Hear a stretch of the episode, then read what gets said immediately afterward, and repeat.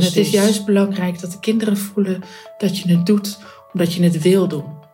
En dat ouders Dat zien bent. dat je, dat je het niet doet om maar je geld te verdienen, maar dat je, er echt, dat je het echt gekozen hebt omdat je wat wil bereiken.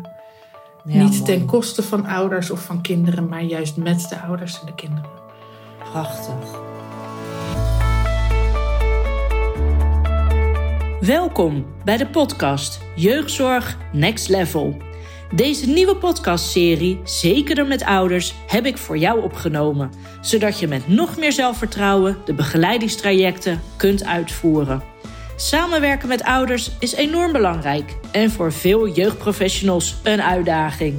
Met deze podcast ontvang jij tips, inzichten en ervaringsverhalen om je werk meer diepgang te geven. Veel luisterplezier!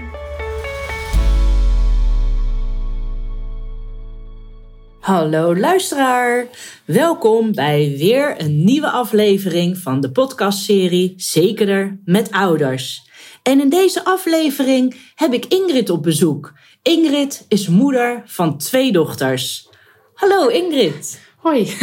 wat superleuk dat je er bent. Ja, leuk dat ik kan meewerken. Ja, nou, ik ben hartstikke blij dat je kan meewerken, want jij hebt natuurlijk wel echt heel veel te vertellen. En eh, allereerst ben ik wel eens benieuwd. Kan je de luisteraars eens vertellen wie is Ingrid? Eh, ik ben Ingrid, ik ben 42 jaar alweer. Eh, moeder van twee prachtige dochters die het beide niet zo makkelijk hebben. door autisme en aanverwante problematiek. Ze hebben mij een mooie levensles geleerd. Dat ze extra geduld, dat je heel ver kan komen. En ik ben creatief. Ik hou ervan om eh, te fotograferen, met de kinderen bezig te zijn. En eh, lekker op pad te gaan op de manieren die passend zijn voor iedereen die mee is, eigenlijk. Gaaf. En jij hebt ook nog een coachopleiding gedaan. Ja, en de kindercoachopleiding. Dus eh, alles wat je in de praktijk al leert met je eigen kinderen, kunnen onderbouwen met de theorie die daarachter zit. En daar, als de tijd ernaar is, eh, ook anderen mee kan helpen. Gaaf hoor. Ja. Dat doe je ook gewoon even tussen de bedrijven door. Hè? ja, als je er dan toch bent thuis voor de kinderen, dan moet je ook, eh, kan je Ja. ook eh, dat uurtje wat je voor jezelf hebt gewoon nuttig besteden. Gaaf hoor. Nou, en over nuttig besteden gesproken. Je hebt ook een prachtig blog. Wat jij goed bijhoudt. Ja, doe mijn best. Ja, ASS en zo. Ja, ass-en zo.nl of via Facebook te vinden. En eh, daar schrijf ik, eh, ook met inbreng van de kinderen, schrijven we daar blogs over de dingen waar we tegenaan lopen, wat we meemaken, waar we denken dat anderen iets aan hebben, maar ook om gewoon even ja, alles van je af te schrijven. Omdat dat wat ademruimte geeft. En ook weer Ja. energie om door te kunnen gaan. Ja, ja het zijn prachtige blogs. Dus eh, luisteraar, als je inspiratie wilt en een kijkje in iemands leven wilt krijgen over ja, hoe je om kunt gaan met waar je in het dagelijks leven tegenaan kan lopen, dan is het echt heel erg de moeite waard om, eh, om te lezen. Maar ja, want je helpt daar ook heel veel andere ouders mee. En ook professionals, want die halen daar ook gewoon heel veel informatie uit. eh. Ja, heel veel andere ouders en ook zelfs eh, volwassenen met autisme die meelezen. Die ook echt zeggen van, eh, oh maar eh, dit herken ik of eh, dit had ik vroeger ook gewild. Of wat, wat fijn dat je dit deelt zodat er herkenning is. En heel veel ouders die zeggen van, ja we voelen ons daar minder alleen door. En we, Mm. ja, we horen, ja, we voelen ons eindelijk gehoord omdat het herkenning geeft. Ja, waardevol hoor. Wat, Ja. wat was de reden dat je met dat blog bent begonnen? Van me afschrijven eigenlijk Ja. gewoon. Ja, ja. van me afschrijven. En ehm, het eerste echte blog wat ik schreef was eigenlijk op een reactie op een meltdown van mijn oudste. Midden in een druk winkelcentrum. En dan alle mensen eh, die wel hun oordeel klaar hebben, die een reactie geven. En je staat daar met twee kinderen, waarvan de een in meltdown is, maar de ander wel alles meekrijgt. En die hoort ook de andere, de volwassenen een oordeel Mm. geven over de situatie. Terwijl je kind het eigenlijk hartstikke zwaar heeft. En eh, ja, dat was mijn eerste reden om iets openbaar te zetten. Van lees is dit en kijk eens wat dit doet. Het is Ja. niet, niet een kind wat geen snoepje krijgt. Het is een kind wat het heel zwaar heeft.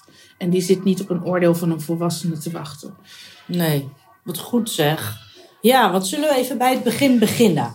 Hè, want je vertelde net al, je hebt twee meiden. Ze zijn nu 14 en... 14 en 16 alweer. 14 en 16 alweer. Jeetje. Hey, en als je teruggaat in de tijd. Ze worden geboren.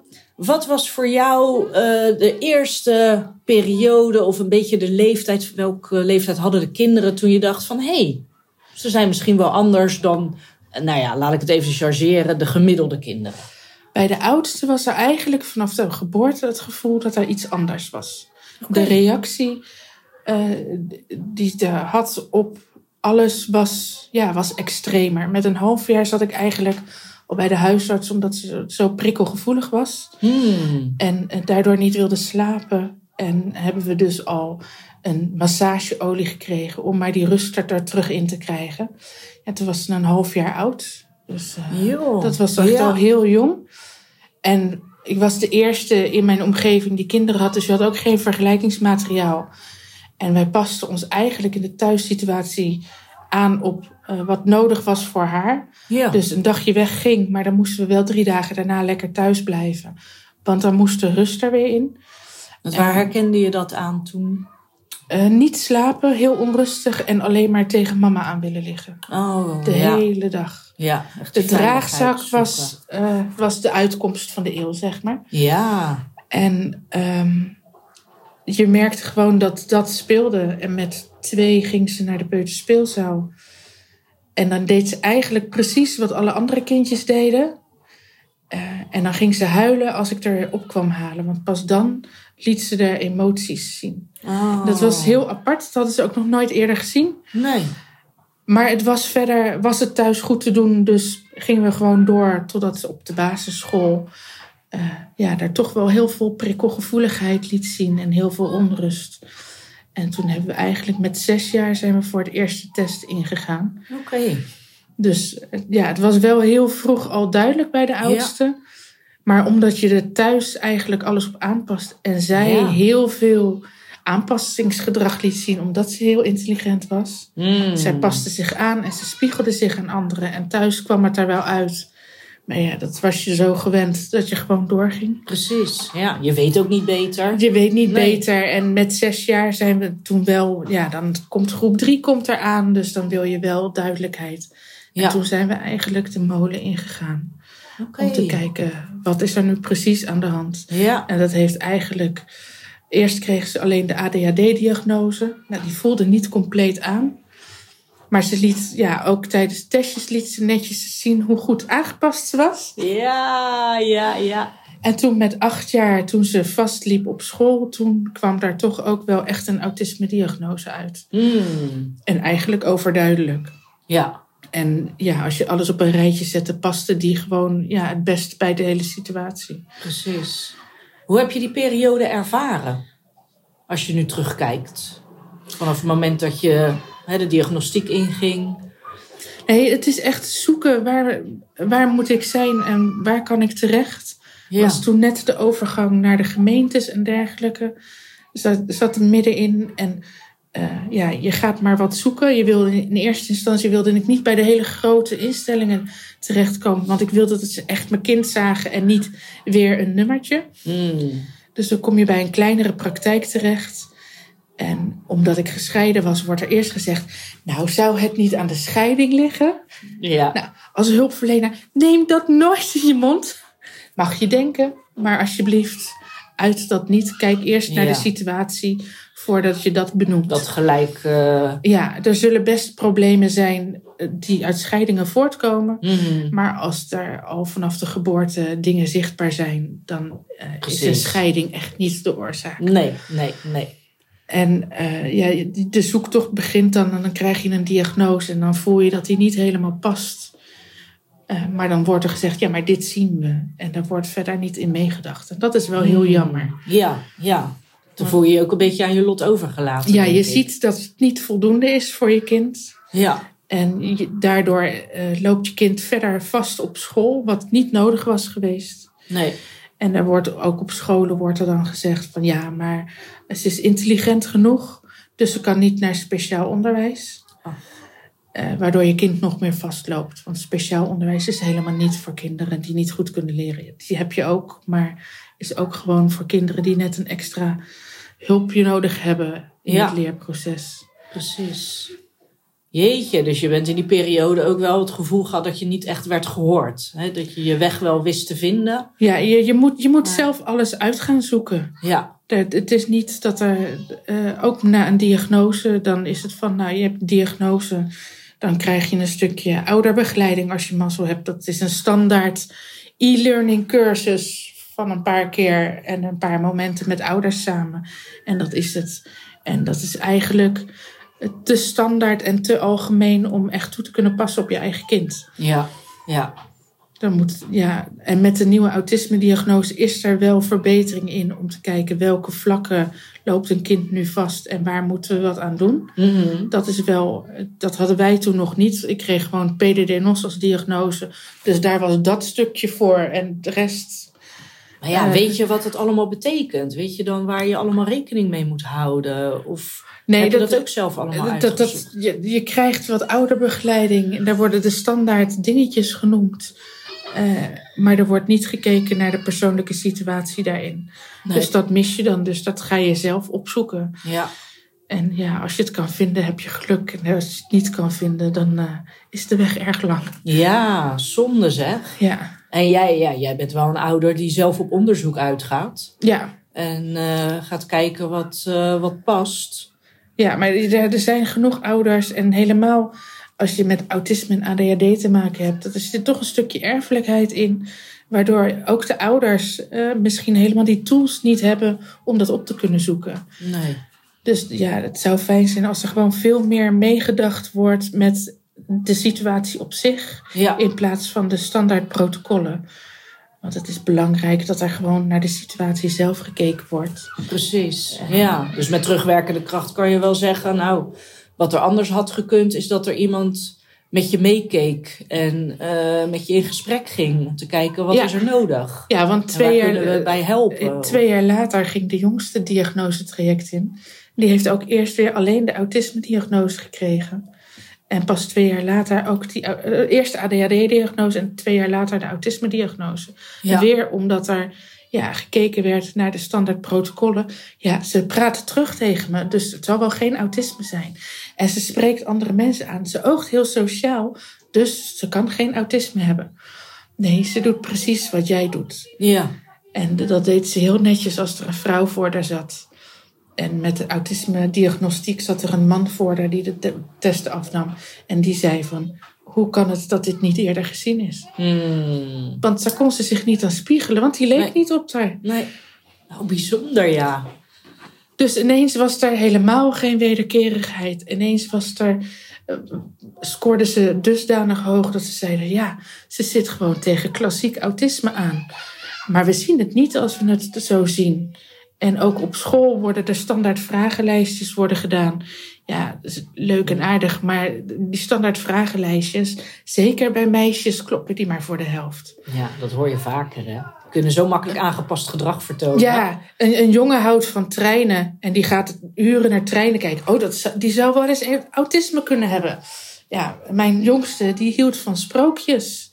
En nog steeds, en elk sprookje moet ook goed verteld worden. Want nog steeds is het van, dat kan anders niet. Ja. Als er ergens een sprookje verteld wordt en een roodkapje heeft ineens in haar mandje geen koekjes zitten, maar een taart. Dat kan gewoon niet, dat sprookje klopt niet. Dus dat kan ik ook niet meer volgen. Nee, nee. Maar ja, het is geen trein. Dus die sprookjes, die hoorden bij de leeftijd. Mm. Dat ze echt het sprookjesfiguur werd, dat, dat, zag, dat, zagen ze niet. Nee.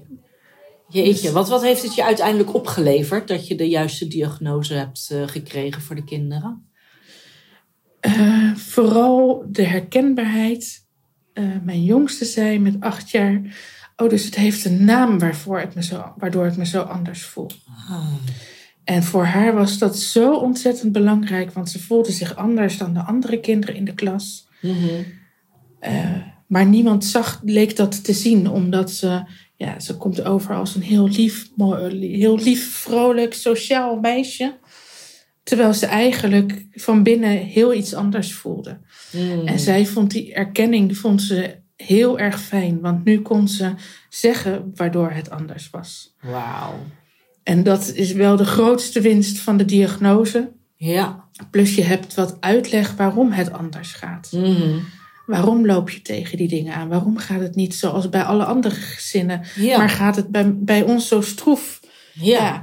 Dus ieder kind moet leren eten. Waarom wil mijn kind niet leren eten? Waarom eh, lukt het maar niet om eh, vaste voeding te eten? De jongste die at met twee jaar alleen mandarijntjes en ontbijtkoek.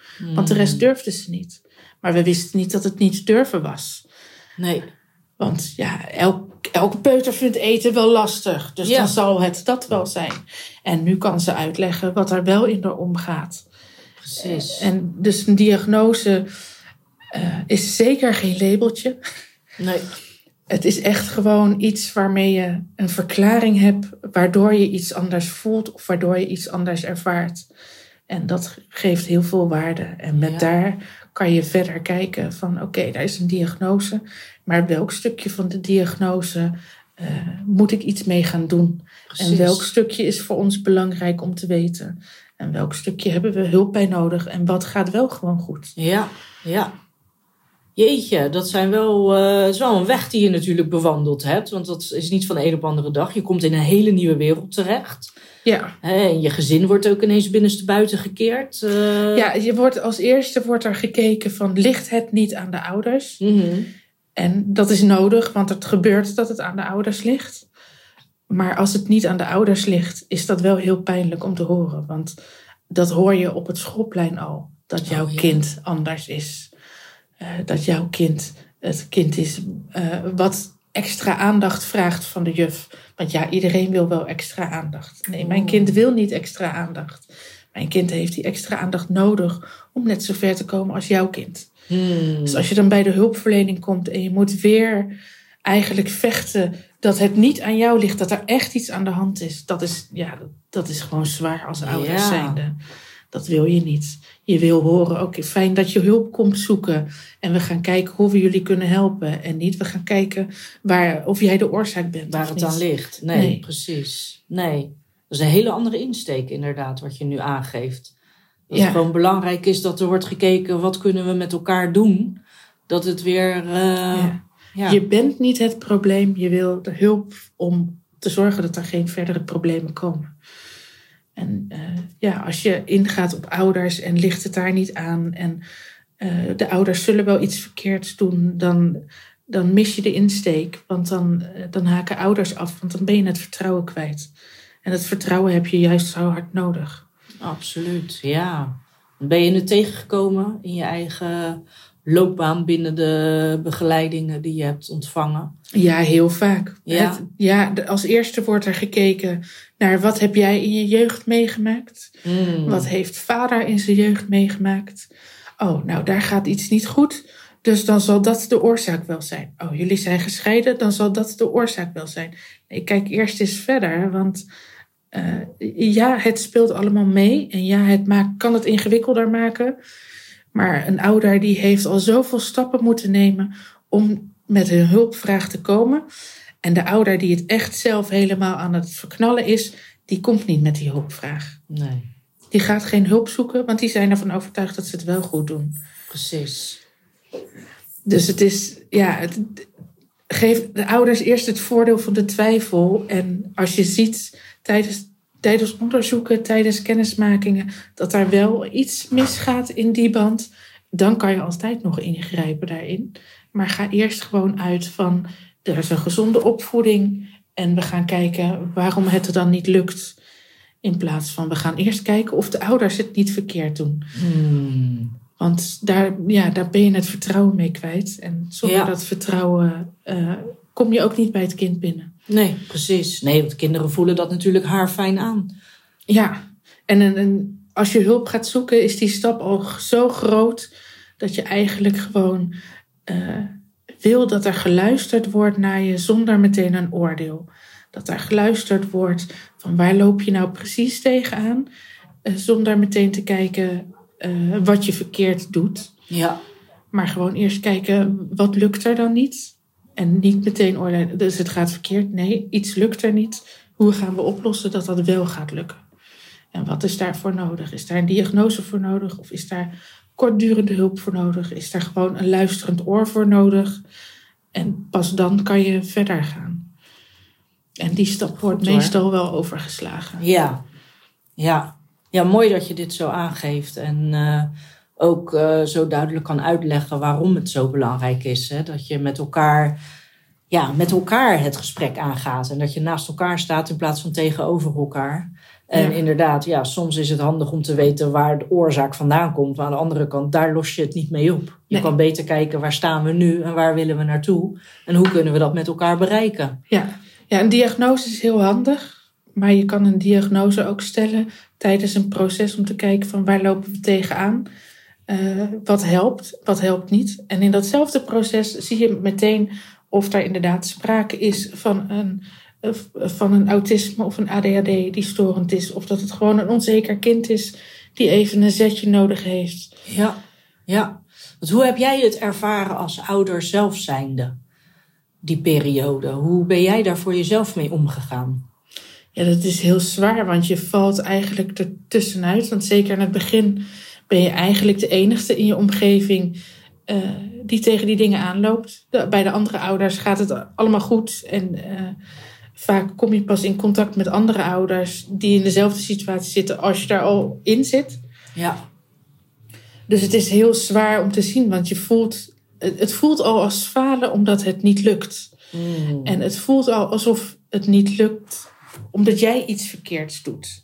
En je wil eigenlijk gewoon dat er iemand naast je staat en met je meekijkt en met je meedenkt. In plaats van dat ze tegenover je gaan zitten en zeggen: Nou, wij gaan wel even uitzoeken wat er aan de hand is. Nee, bewandel samen die weg. ja, Want eh, een kind ergens in een, in, in een eh, aparte ruimte waar ze nooit eerder is geweest, die zal nooit zichzelf laten zien. Want dat is veel te eng. En juist in de thuissituatie weet een ouder juist wel die specifieke dingetjes te benoemen die net wat anders zijn. ja, ja, En juist die specifieke dingetjes die zeggen meer dan de vragenlijst die voor elk kind gebruikt wordt. precies. Ja. Maar ja, het is ook voor iedere ouder best spannend, kan ik me zo voorstellen, om je verhaal te delen, je kwetsbaar op te stellen. Want dat doe je. Ja, ja, je moet echt het vertrouwen krijgen van eh, en het vertrouwen hebben in een hulpverlener. Wil je ook echt alles durven te vertellen? Ja, Want je altijd gaan die gesprekken over wat gaat er nou niet goed bij je kind. Ja, maar ik kijk liever naar de dingen die wel goed gaan. ja, En ik kijk liever naar de dingen die, eh, die mijn kind zo speciaal maken en zo bijzonder maken. En die mij de dingen leren die misschien een ander kind me helemaal niet zouden leren. Maar die dingen worden niet gevraagd. Hmm. Er wordt altijd eerst gekeken wat gaat daar niet goed. En eigenlijk wil je eerst omschrijven, nou mijn kind is dit en zo is mijn kind en zo is de band met mijn kind. En in sommige situaties, eh, zeker bij autisme, kom je juist ook tegen dat ouders geen band hebben met hun kind. Maar die wil zo graag willen. En als je dan alleen maar moet gaan vertellen over wat er niet goed gaat, dan heb je er geen vertrouwen in dat de mensen je gaan helpen met die band herstellen. nee. nee. Ja, En- dat zeg je ook mooi. Ik heb gelukkig een goede band met mijn kinderen, maar ja, een vriendin van mij die heeft juist die band niet. En het enigste waar dan op ingezet wordt door de hulpverlening was van, ja, maar je moet die structuur aanbrengen en je moet dat doen en je moet dat doen. Ja, dat doe ik allemaal. Ja, dan doe je het goed. Nee, want ik voel nog steeds geen band met mijn kind. En Nee. wat kan ik nu wel doen? En die hulp wordt dan gevraagd en daar wordt niet naar gekeken. Nee, dat is jammer. En eh, ik kan me ook zo voorstellen dat je zit zelf in het hele traject. En eh, ja, je, je weet ook niet wat je wel kan verwachten, wat je niet kan verwachten. Dus ja, als jij er voor jezelf middenin zit, dan eh, word je ook een beetje geleefd. Ja, je wordt geleefd en dan krijg je een diagnose die niet passend voelt. Mhm. En dan wordt er gewoon gezegd, ja, maar wij zien het niet anders. Ja, maar luis- luister wat een ouder zegt. Want een ouder zegt, ja, ik zie wat jullie zien, maar ik zie nog meer. Mhm. En dat zeggen ze niet omdat ze zo graag die diagnose willen. Want niemand wil een diagnose voor een kind. Iedereen wil gewoon een kind wat eigenlijk gewoon hartstikke gemiddeld is. En overal gewoon makkelijk in mee kan. Ja. Een, een gemiddeld kind. Het is het liefste wat je wil als ouder. Omdat ja, dan is je kind, heeft de grootste kans dat het gewoon gelukkig is. Hmm. Maar je ziet je kind dat niet gelukkig is. En vervolgens word je ook niet gehoord in wat jij ziet. Ja, dat is, dat is eenzaam en gewoon pijnlijk. Ja. Er moet dan gewoon gezegd worden: oké, uit de test komt dit niet. Maar we kunnen wel een traject ingaan om te kijken wat er dan nog meer is waar je tegenaan loopt. Precies, dat ze dan met jou meekijken in dat vervolgproces. Om Ja. te zien wat dat dan is wat jij ziet. Maar je krijgt een diagnose en met een beetje mazzel een doorverwijzing naar iets. Nou, met de ADHD-diagnose is dat dan een doorverwijzing naar een arts, zodat je voor medicatie kan gaan. Nou, kan dat bij kinderen heel goed helpen en heeft dat mijn kinderen ook echt wel geholpen. Maar meer was daar niet. Nee. En Dus dan jij hebt zelf eigenlijk heel erg die weg moeten vinden. pas op het moment dat je aangeeft van nou, het is wel echt heel zwaar. En dat wil je als ouder niet aangeven. Want je wil niet vertellen dat het heel zwaar is thuis. Nee. Je wil eigenlijk gewoon zeggen, nee hoor, ik red het wel. Terwijl het eigenlijk niet te redden is. Pas dan wordt er gekeken van, oh, en dan wordt er zelf, dan ben je als ouder eigenlijk zelfs nog bang van, ja, maar als ik dat aangeef, wat gaan ze dan doen? Ja. Want dan komt gewoon de angst van, ja, maar als ik nu zeg, ik kan het niet, wat gaat er dan gebeuren met mijn kind? Hmm. Dus je bent een continu strijd dat je, je wil het beste voor je kind. Je wil als ouder gehoord worden, maar je durft niet alles te vertellen, omdat de consequenties gewoon onbekend, zijn. Ja. Want wat gaan ze doen als eh, je in een situatie zit van een kind met problematiek en eh, vastlopen op school en moeder zegt dat ze het niet meer aankunnen?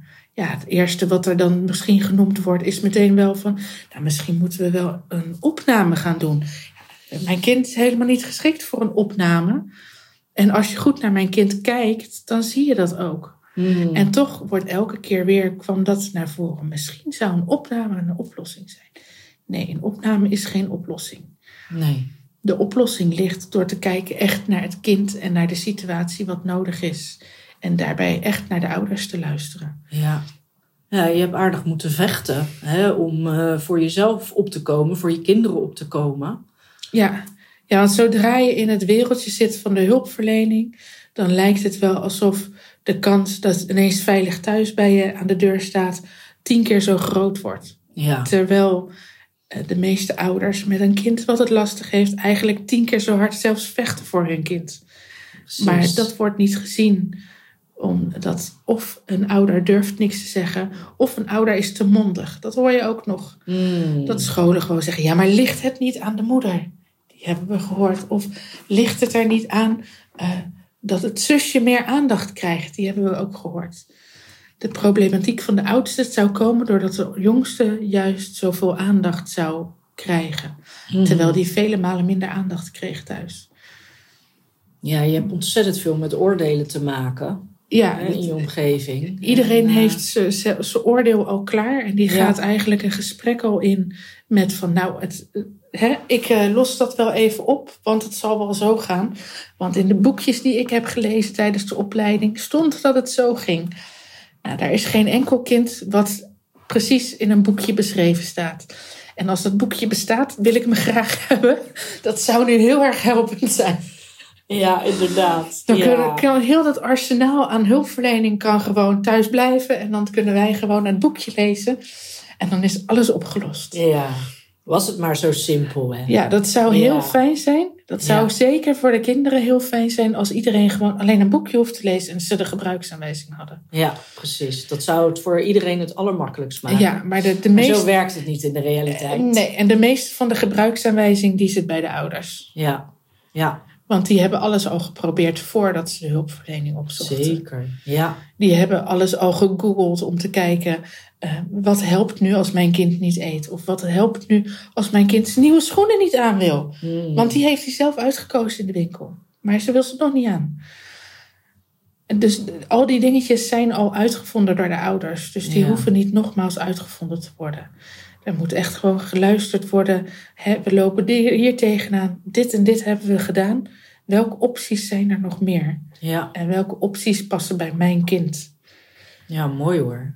En, en wat, wat is jouw grootste keerpunt geweest voor jezelf? Want ja, je bent zelf ook door een heel proces gegaan. Hè? Je kinderen zijn door een heel proces gegaan. Je bent niet meer de Ingrid die je tien jaar geleden was, neem Nee. ik aan. Nee.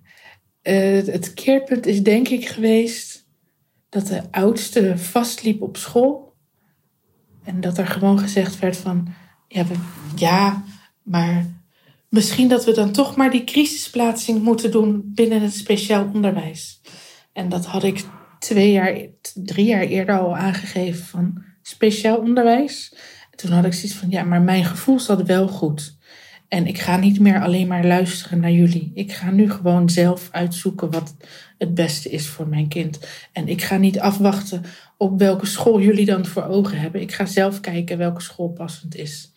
Sterk. Ja, dus eigenlijk het- dat je zegt, ik ga veel meer naar mijn intuïtie luisteren. Ja, mijn kind stond op een gegeven moment met een stoel in, zijn, in de handen tegenover de juf.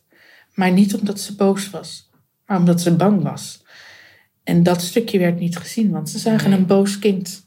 Alleen het gedrag. En ja. ze zagen niet naar wat daar allemaal afspeelde. En dat heb je zo vaak heb je dat gezegd en zo vaak heb je tips gegeven. En er werd niet naar geluisterd. Nou, dan luister ik niet naar jullie, maar dan ga ik op zoek naar hulp die wel gaat luisteren naar mij. Ja, En op dat moment heb ik ook gewoon elke keer de afweging gemaakt van luisteren jullie naar wat ik zeg of niet? En luister, merk ik meteen in het eerste gesprek dat je niet naar me luistert of meteen al een oordeel hebt. Ja, nou sorry, maar dan ga ik ergens anders naartoe. krachtig. Je kind wil niet eh, hulpverlening naar hulpverlening krijgen die niet werkt. Daar beschadigt een kind door. Ja, Elke keer is het weer een afwijzing voor het kind. Want oh, het lukt niet, dan zal het wel aan mij liggen. Want een Ja. kind geeft nooit de schuld aan een ander nee, op dat punt. klopt. Die betrekt het altijd tot zichzelf. En als je al een kind hebt die daar heel gevoelig voor is en al niet zeker is, dan wil je je kind meteen in aanraking laten komen met een plek die wel goed is voor je kind. Ja. Waar ze wel naar het kind kijken en niet naar het protocol is. Of eh, ik moet nu dit. Nee, kijk eerst naar het kind en naar de ouders. Ja. En dan pas, hoe past dit binnen ons protocol? In plaats van hoe past het protocol binnen dit gezin? ja. Ja, dat is de omgekeerde wereld inderdaad. Ja, Ja. ja. en dat wordt, we hebben dit lijstje, dit lijstje werken we af. Nee, je hebt dit lijstje. Iemand komt met een hulpvraag, dus we gaan kijken wat er van dat lijstje als eerste ingezet kan worden. Hmm, wat er passend is. Wat is daar passend? Want Ja. als vanaf het eerste ogenblik of de ouders of het kind zich niet gehoord voelen, dan ben je de band kwijt en dan kan je stoppen. Ja, ja, Want dan lukt het niet meer. nee. En nu zitten ze op een goede plek. Nu zitten ze op een goede plek, ja. Met een lange wachtlijsten. Ja, ook dat. En een lange weg. ook mee te maken. Ja, ja, Ja. Maar je hebt wel een goede plek voor ze gevonden. Ja, En- ze zitten nu op de plek waar ze de beste hulp krijgen, waar ze gehoord worden, waar ik als moeder gehoord word. En eh, waar daar verder gekeken wordt naar welke hulp bied je, bied je normaal. Ja. En wat is normaal en wat bieden we normaal aan? Nee, wat bieden we nu aan wat er nodig is? precies. Ja, En dat dat dan heel anders is dan standaard. Als dat voor dat kind helpend is, dan moet je dat gewoon doen. precies. En is dat dan, eh, merk jij op dat dat leeftijdsafhankelijk is van de jeugdprofessionals? Of ehm, heeft dat er niks mee te maken? Want ik spreek wel eens jonge professionals, hè, die komen net van de studie af. En die hebben dan toch het gevoel van, ja, wie ben ik om met ouders het gesprek aan te gaan? Eh, ik heb zelf geen kinderen, dus ik kan eh, hè, me niet helemaal goed inleven in ouders. Is dat voor jou een issue, leeftijd? Leeftijd is zeker geen issue. Want zeker nu ze 14 en 16 zijn, bijna 17, merk ik zeker de oudste, een jongere hulpverlener die dicht bij haar staat, komt veel makkelijker binnen. Want die kent eh, de, de, de wereld waarin ze zitten. Die kent het gamen en die kent TikToks en die kent dit en die kent dat. Dus Ja. die aansluiting voelen ze. Dus het hoeft niet leeftijdsgebonden te zijn. Ik denk dat het meer is de inzet die een hulpverlener toont. De passie die er is om het kind te willen helpen, te willen leren kennen. En dat die inzet, die is het belangrijkste. Heb jij de passie, maar moet je alles nog leren? Laat, je, laat laat de ouder je meenemen op die weg. Ja, En laat de ouder jou leren wat de ouder al weet. En leer de ouder wat jij weet.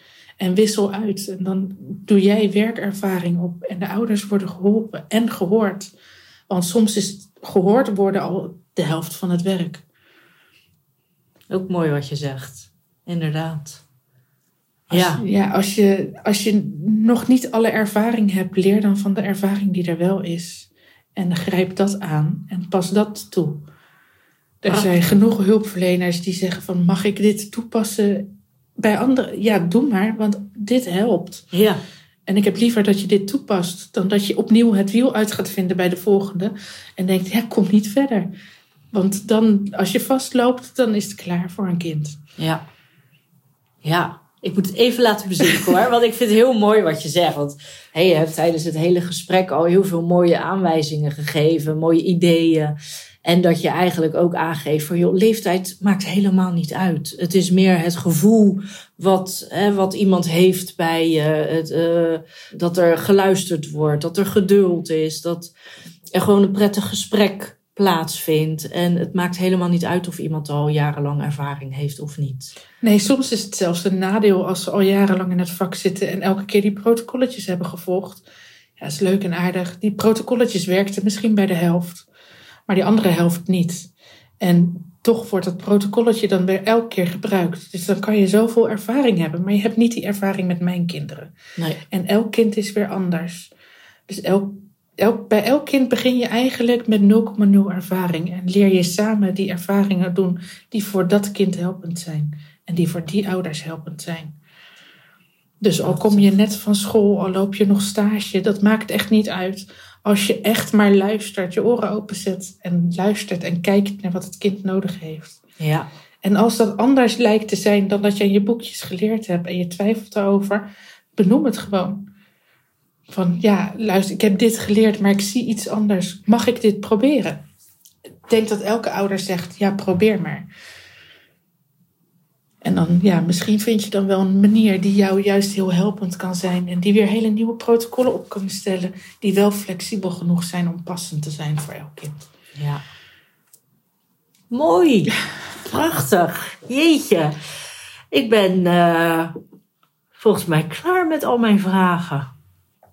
Ja, Je hebt, zoveel, ja, je hebt zoveel mooie dingen verteld gedurende dit gesprek. En ja, als ik de rode draad eruit haal, dan is het echt dat je aangeeft van ja, hoe belangrijk is het dat er naar het kind wordt gekeken. Dat er verder dan het gedrag wordt gekeken.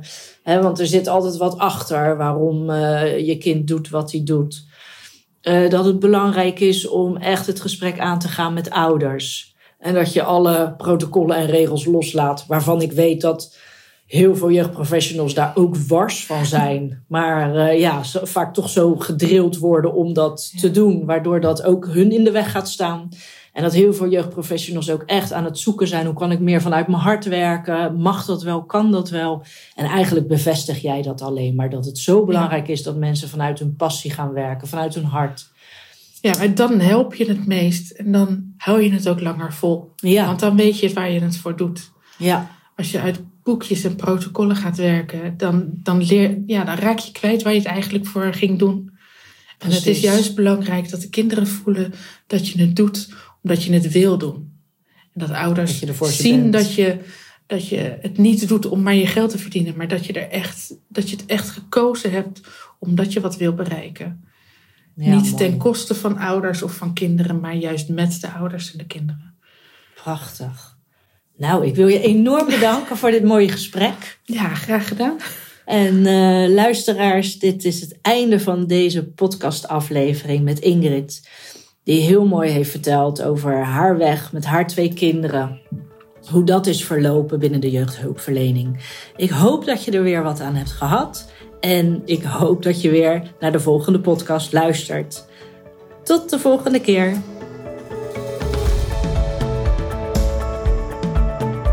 Dit is alweer het einde van deze podcast. Ben jij geïnspireerd geraakt en wil je ook groeien naar jouw next level? Kijk dan eens op de website www.hkcacademy.nl voor meer informatie over trainingen, events en de laatste nieuwtjes. Je kunt mij ook volgen via de socials. Het HKC Academy voor leuke tips en ideeën, zodat jij je klanten naar de next level kunt begeleiden.